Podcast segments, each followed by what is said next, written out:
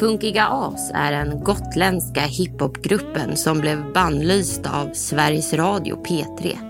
Gruppen som valde bort stora skivbolag till förmån för konstnärlig frihet och vars debutalbum aldrig såg dagens ljus. Trion som tog en brölande läktarramsa och förvandlade den till en tidig svensk hiphopklassiker. Bira, bira, bira, bärs, bärs, bärs används fortfarande som ett stridsrop på studentflaken från Ystad till Haparanda. Men hur kom den till? Och vad hände egentligen med debutskivan? Det här är Musikstugan med din programledare Erik Daun. Det var torsdag morgon när jag vaknade Min kase hade ju slaknat Jag var nyvaken och luktade svett ut i köket och käkade mig mätt På knäckebröd, det var det som passade på. Gelé i håret, det var dags att gå. Genom skolans korridorer traskade jag sakta Var en halvtimme sen och det är fakta. Historielektion i full effekt. Jag plockade upp en bok som var defekt. Rasmus Bertilsson, Mattias Landin och Jakob Ringbom var de som utgjorde hiphopgruppen Funkiga As. Men för att förstå hur gruppen bildades måste vi backa bandet. Faktiskt ända till 1982. Till tiden då riksdagen röstade ja till utveckling och produktion av svenska stridsflygplanet JAS 39 Gripen. Till året då Iron Maiden blev listetta med The Number of the Beast. 1982. Året då Michael Jackson släppte den epokgörande skivan Thriller. Hiphopen är på stark frammarsch, men den är inte så utbredd i de svenska villaområdena. Ännu.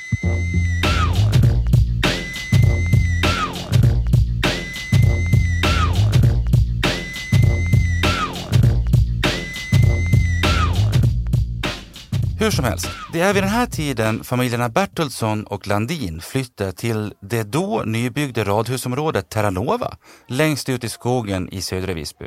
Rasmus Bertilsson berättar hur allt började. Vi tre i Funkias upptäckte ju nog hiphopen var en för sig på lite olika håll. Jag är ju gammal kompis med de andra två, fast på varsitt håll. Eh, jag är uppväxt med Jakob Ringbom som eh, dismanda Disman Jordi-barn eh, meddragandes på sommarturnéer och sovandes under mixerbord på konserter och sånt där. Eh, och Mattias och jag träffades ju när vi flyttade till nybyggda Terranova. Vi var ju typ de första kidsen som någonsin gick på det där dagiset. Eh, Sen den dagen hängde vi ihop. Eh, Och på den tiden fanns det ju, det var ju långt ifrån internet. Så att den amerikanska influensen, det, fick man ju från släktingar som var på resa i USA. och Kom hem med en tidning eller en skiva eller kassettband. Eh, och det började ju någonstans med hela breakdance-scenen och med det kom även hiphopen. Liksom. Eh, så vi gjorde ju allt. Vi dansade breakdance och DJade och, och skrev låtar och rappade på svenska redan mitten av 80-talet ska jag säga, innan, innan man ens visste att det gick. Mattias Landin, Rasmus Bertolsson och Jakob Ringbom växer upp samtidigt som hiphopen slår ner som en bomb på de svenska skolgårdarna. Vi är mitt i den andra vågen av skateboardåkande och graffitin exploderar i gångtunnlar och, för den som minns, på Lantmännens silo mittemot reningsverket. Run DMC gör den svängiga hiphopen till kidsens musik och Adidas-kläder och kangulhattar blir hårdvaluta. Det är ungefär nu som Mattias, Rasmus och Jakob för första gången plockar upp mikrofonerna och börjar rappa. inspirationen för att börja rappa, det, det kom ju bara. Det var ju bara någonting man gjorde. Man var ute och latchade med, med polarna. För det fanns ju inget iPads och sånt då. Man gick ut och så körde man och, och man åkte skateboard eller målade graffiti eller och så även rappade. Eh, för det var ju liksom sagt hiphop var ju någonting som sköljde över en med energi som man aldrig varit med om förr som, som unge på, på 80-talet. Det var ju någonting nytt, fräscht. Eh, något som verkligen inte var föräldrarna. Och jag tror framförallt i mitt och Jakobs fall då, som var någon slags fostrade i någon slags gubbrocks eh, uppväxt. Så var ju hiphopen någon slags reaktion på det antar jag. Och så där rullade det på under några år. De rappar, skater och hänger. Så där planlöst och organiserat som tonåringar ofta håller på. Innan karriären knackar på och allt blir lite mer på riktigt. Men där är vi inte ännu. Först ska Sveas stolthet bildas. Burmästare behövde en, en akt en fredagkväll. Eh, så då skolkade vi från skolan i eftermiddag, gjorde tre låtar och sen så gick vi upp på kvällen eh, och, och rappade helt enkelt. Och insåg då att vi hade ju inget namn. Eh, och av en slump så var det min brorsa som pådade oss helt enkelt som helt enkelt bara Sveas stolthet. Så det var ju bara för att vi hade ju inget namn och han kom på det på sekunden där. Men eh, efter den där spelningen så tyckte vi det här var ju jävligt kul. Eh, så då insåg vi att vi blev en grupp och var tvungna att skaffa oss ett riktigt namn. Spelningen på Burmeister var startskottet. Rasmus Bertilsson beskriver det som att det var då de blev funkiga as. Nu började de skriva låtar, mest för att det var så roligt. En låt blev två och sen ännu fler. Men någon ambition om att bli riktiga hiphopartister, det fanns inte ännu. Inte uttalat i alla fall. Och så råkade deras låtar hamna på en demotape som nådde till skivbolagen. Eller hur var det egentligen med det där? Var Dr. Alban inblandad? Eh, så här var det. Eh, tillsammans med Johan Gunnarsson och min brorsa Danne då, så med deras houseprojekt. Och de var ju lite mer på, på, på att bli upptäckta så att säga. Eh, de var ju jäkligt skickliga producenter. Eh, men så låg ju våra låtar med på de här tejparna också av en slump egentligen. Eller de hade väl inte råd med fler tejpar så allting låg på samma. Lite så var det ju. Man hade ju inte pengar på den tiden. Så att eh, bland annat så hamnade ju någon av de här tejparna hos Dr. Alban. Eh, som då tyckte det här var asfett. Och då pratade han om hiphop-låtarna på slutet av tejpen och inte house-låtarna. sen så flög det där vidare inom, inom den där kretsen där uppe. Nu började det så smått röra på sig för den gotländska hiphopgruppen. Men det var fortfarande så att hiphop på svenska, det var en underground-rörelse och eh, ännu hade inte de funkiga asen riktigt fått det där stora genombrottet. Men det skulle dock snart komma att ändras med hjälp av en grönvit läktarramsa. Eh, det var uppslag till mig i kvällspressen om, om våran låt som, som blev bannlyst på P3. För det var många mammor som skrev in och tyckte att det här var för jäkligt att sjunga om alkohol. Sverige, mitten av 90-talet, det var alkohol är farligt. Eh, och det är väl i viss mån, men det här var ju ganska harmlöst, andra sidan, tyckte vi. Men samtidigt, man hamnar i en exklusiv skara med Cornelis Vreeswijk och vem det är mer som har blivit bannlyst på P3. Så att, ja. Bira, bira, bira, bärs, bärs, bärs. Bira, bira, bira, bärs, bärs, bärs. Bira, bira, bira, bärs, bärs, bärs. Jag vill ha öl, jag vill ha öl. Bira, bira, bira, bärs, bärs, bärs. Bira, bira, bira, bärs, bärs, bärs. Bira, bira, bira, bärs, bärs, bärs. Jag vill ha öl, jag vill Jag öl. vill bli full, jag vill bli jättefull. Bara för min egen skull. Jag kan här, kommer här, jag både lovar och svär att här är det loungeatmosfär. Vi tolererar inga undanflykter, det är konstigt. Men jag är fortfarande nykter. Strävan efter alkohol, ett sexpack och ett paket Exosol. Till slut går man ut, raglar, tragglar. Man letar skjut men man ser bara fragglar. Klockan blir två, man måste förstå att stället stänger och vart ska man gå? Plötsligt blev brudarna snygga, kvinnorna inte lika stygga. Men jag kan bara säga äsch, för nu sitter vi här med våra folkbärsdysch. Bira, bira, bira, bärs, bärs, bärs. Bira, bira, bira, bärs, bärs, bärs. Bira, bira, bira, bärs, bärs, bärs. Jag vill ha öl, jag vill ha öl. Den supersvängiga låten var omöjlig att värja sig emot och de gotländska ungdomarna hade fått en ny festalåt. Bira Bira Bira spreds som en löpeld och inte bara på ön utan även över stora delar av Sverige. Och faktiskt inte bara bland hiphoppare. Ingen tycktes kunna motstå den perfekta partydängen. Funkig As var hete som fan. Låtens alkoholromantiska text, den passade dock inte riktigt alla. Men inget ont som inte för något gott med sig. Att bli bannlyst av den statliga radion fungerade som den perfekta reklamkampanjen och nu börjar det svänga på allvar för hiphop-trion.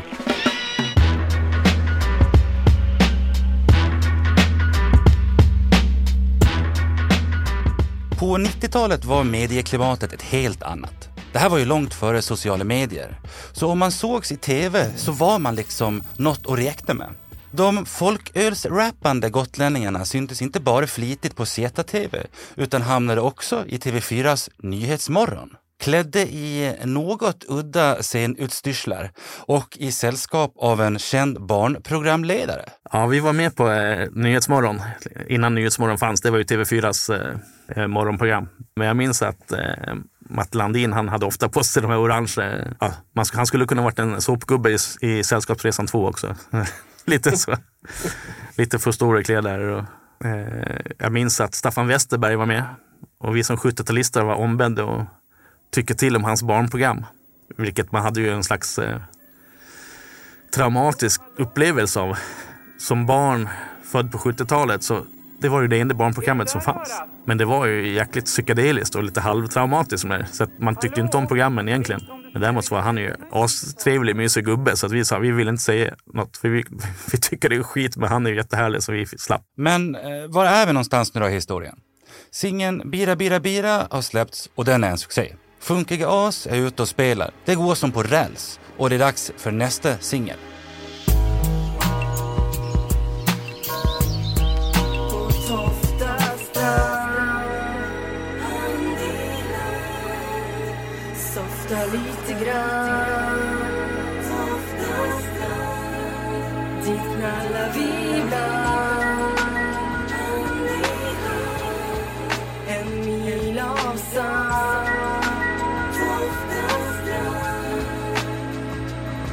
Det är morgon, en ny dag som gryr Solen skiner mot stranden vi styr I min polares morsas cabriolet Fick du låna bilen? Ja, vi får se. Med kalla pilsner som vår enda last.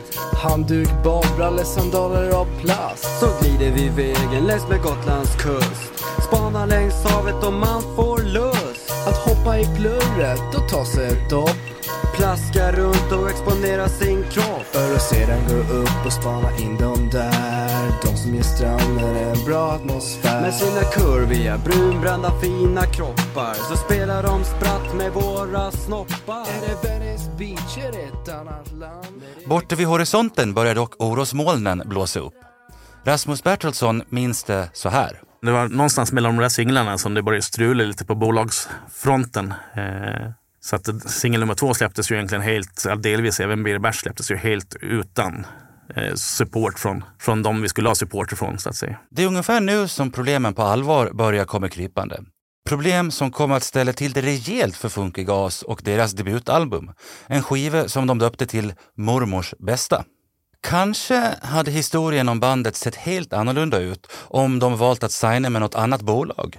Men Funkiga As ville gå sin egen väg. De ville vara oberoende. Vi fick ju massor ko- erbjudanden om skivkontrakt, eller massor, men några stycken i alla fall. Eh, och en del av så stora som EMI liksom, som, som ville att vi skulle jobba med dem. Dock om man som ett litet band eh, hakar på en sån deal så hamnar man ju mitt i, i, i stor, storföretags eh, maskinhjulen. Liksom. Och vi skulle framförallt inte få producera helt själva. Och det var, som sagt, vi hade ju ingen ambition egentligen att bli hiphopartister. Eh, så skulle vi avsagt oss liksom, producera våra egna grejer, då hade vi... Ja, det var inte intressant helt enkelt. Så vi valde ett mindre bolag där vi fick helt fria händer. Eh, nackdelen med mindre bolag är att det finns mindre pengar också. Så vi hade ju en manager som var avlönad av bolaget. Eh, men när pengarna började tryta fick hon ingen lön. Och alla pengar som vi tjänade, eller inte alla, men det mesta vi kände när vi var ute och spelade sattes in på ett, på ett konto så att vi skulle kunna fortsätta promota skivan och turnera vidare så att säga. Men de pengarna var borta en dag, helt enkelt. När det lilla skivbolaget slutligen gick omkull så uppstod ett sorts vakuum för bandet. De visste helt enkelt inte vad de skulle göra. För visst var debutskivan redan inspelad? Åtminstone nästan hela. Eh, den var redan inspelad. Eh, så tillvida plattan låg inspelad så tillvida att det var en låt som inte var färdigmixad. Eh, det var ju Gotländsk ragga som är en fantastisk låt. Och den enda inspelningen som finns kvar idag så, liksom, så hör man inte riktigt vad vi rappar för att den är inte mixad helt enkelt. Eh, men i övrigt så var ju plattan klar. Eh, 13 spår om jag inte minns fel. Debutalbumet, som alltså till största delen spelades in i studion i Västergarn, har legat färdig sedan 90-talet. Men den har aldrig släppts. Några enstaka spår har på senare tid laddats upp på nätet, men långt ifrån alla har nått offentligheten. Rasmus Bertilsson drar sig till minnes vilka låtar som faktiskt ligger på mormors bästa. Ja, jag minns nog de flesta låttitlarna på den här plattan. Alltså, Coolaste killen var ju också en av de första låtarna vi spelade in. Och kanske den svängigaste låten vi har gjort. Jäkligt jazzig. Fler låtar. Vi gjorde ju någon slags, någon slags punkhistoria eh, om arbetslöshet och sånt där. Eh, jag vet inte om den... Det är inte vår bästa låt, men den är ju på något sätt kul. Jag spelar gitarr på den dessutom. Eh, vad har vi? Vi gjorde ju några icke-PK-låtar där. Vi gjorde en låt som heter Slampa till exempel, som aldrig skulle kunna gå att släppa idag. Men det handlar ju mest om att alla, alla hade blivit brända av, av tjejer på den tiden och vi var bittra. Så då, ni får ta det med en nypa salt. Men så var den låten. Man undrar ju om skivan ändå finns någonstans. Alltså rent fysiskt. Det gör den faktiskt. Typ, i alla fall.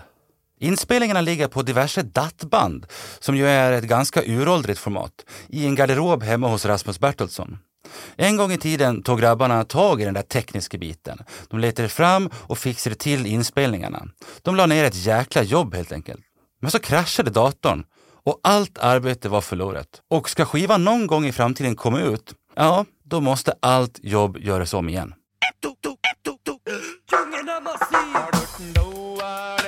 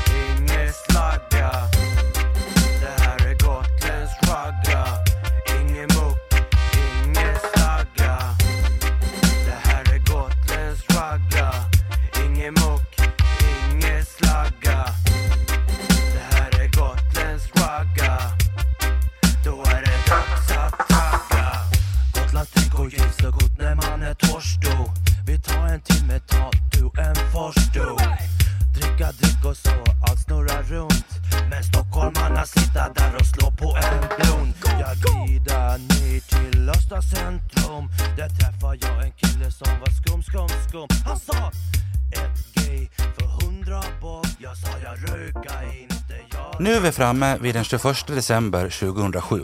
Funkiga As är tillbaka och GAs Fredrik Magnusson beskriver det så här i tidningen. Funkiga As är fortfarande fulla. Åtminstone om man tolkar titeln på den nya låten bokstavligt. Fast när man verkligen lyssnar på de inledande tonerna så är det ingen folkölsmarinerad partyhiphop som strömmar ur Rasmus mobiltelefon. Snarare ett stycke modern, lite nedtonad R&B med ett pulserande beat. Kommer då albumet Mormors bästa någonsin att ges ut? Rasmus Bertolsson är osäker, men han stänger i alla fall inte dörren. Hoppet finns där. Det är ju ändå ett stycke svensk hiphop-historia vi pratar om här. Och de digitala spåren efter bandet är få. De var ju nämligen stora innan internet slog igenom. Senaste gången Funkiga A stod på scen var på festivalen Escape from the Stockholmsvecka. Det var för tio år sedan. Börjar det inte bli dags igen? Jag, jag tror inte vi är sugna på att ta ett eh, betalande gig på för att underhålla ett gäng eh, festande ungdomar på en nattklubb. Det tror jag inte. Eh, Det blir nog helt enkelt eh, en timare, ska jag tippa. Idag är trion medelålders med familjer och hyfsat vanliga jobb. Rasmus jobbar heltid med, just det, Bira Bira Bira. Han arbetar nämligen åt Gotlands bryggeri. Och de är ännu polare, alla tre. Vad var då roligast under den här tiden? Det roligaste med funktionstiden, alltså på något sätt så minns man ju det som var jobbigt. Det är ungefär som lumpen, det som var jobbigt är ju roligt när man har distans till det. Eh, men det var ju alltså, åka med sina bästa polare och göra gig här och var. Och, eh, men samtidigt så det jobbiga var ju att vi gick ju ändå skolan, i alla fall jag och Mattias. Eh, och pendlade fram och tillbaka till Stockholm och liksom åkte i någon gammal turnébuss och sen så var jag tillbaka på skolan på måndag morgon. Det gick ju sådär ganska ofta med det. Men det roligaste var ju gemenskapen och att göra något och man insåg ju att man gjorde någonting som inte så många andra gjorde. Det är lätt att glömma så här i efterhand, men bakom varje lyckad hiphopgrupp finns allt som oftast producenter. I det här fallet så hette de Daniel Bertilsson och Johan Gunnarsson. Utan dem hade det nog aldrig funnits någon musik. Daniel är förresten fortfarande DJ på de flesta Stockholmsklubbarna värda namnet. Har vi glömt något? Jo, faktiskt. En sak vi måste bringa lite klarhet kring är bandets logga. Jag vet inte om ni kommer ihåg den, men den föreställde i alla fall en död nallebjörn. Den döde nallebjörnen. Eh, jag minns inte vem som ret den faktiskt. Jag kan tänka mig att brorsan säkert har koll på det. Vad han hette. Men det var ju någon serietecknare som gjorde det. Och våran input var att vi ville att det skulle vara en nallebjörn med de här döda ögonen. Det var liksom skissen som vi hade gjort. Och det var ju, vad är ett funket as? Och ett as är ju något dött. Liksom. Eh, samtidigt som vi vill att det ska vara lite oskyldigt och lite gulligt. Men med en liten råhet i. Lite som vi, eh, får man säga. Mest gulliga, men man vill ju vara lite stökig också. Att låten Bira Bira Bira är en klassiker är odiskutabelt. Det blir ju lätt så när man sätter samman en läktarramsa med svängiga beats, samplingar från bland annat Smurfarna och en äkta folkölsrap signerad Rasmus. Och så var det ju det där med Infinite Mass och Torsten Flink. Det måste vi ju höra allt om, eller hur?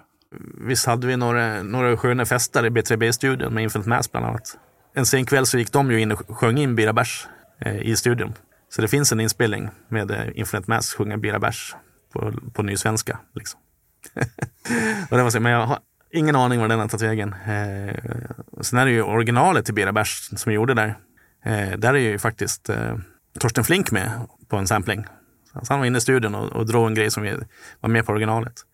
Men när vi skulle släppa eh, Bira Bärs-singeln så var helt plötsligt mastertaperna borta när vi skulle liksom, tillverka skivan. Och det är väl oklart vad... Det, det verkade som att det var någon som medvetet ville bli släppt först på vårt bolag som undanhåll den. Men det, det verkar som att den har dykt upp helt plötsligt. Så vi får se. Jag ska lyssna igenom den och se om det verkligen är eh, korrekt. Så I så fall så blir det kanske ytterligare ett bonusspår på Mormors bästa med eh, Torsten Flink. Om vi någonsin får höra mormors bästa i sin helhet, det återstår nog ännu att se. Vi på Gotlands Media har skapat en poddserie som heter Musikstugan. En podd där vi grottar ner oss i den gotländska musiken. Bakom mästerverket står Fredrik Magnusson, Demir Lilja och jag, Erik Down. Gillar du låtarna du hör i avsnitten så finner du låtlistor på våra sociala medier där vi heter helagotland.se.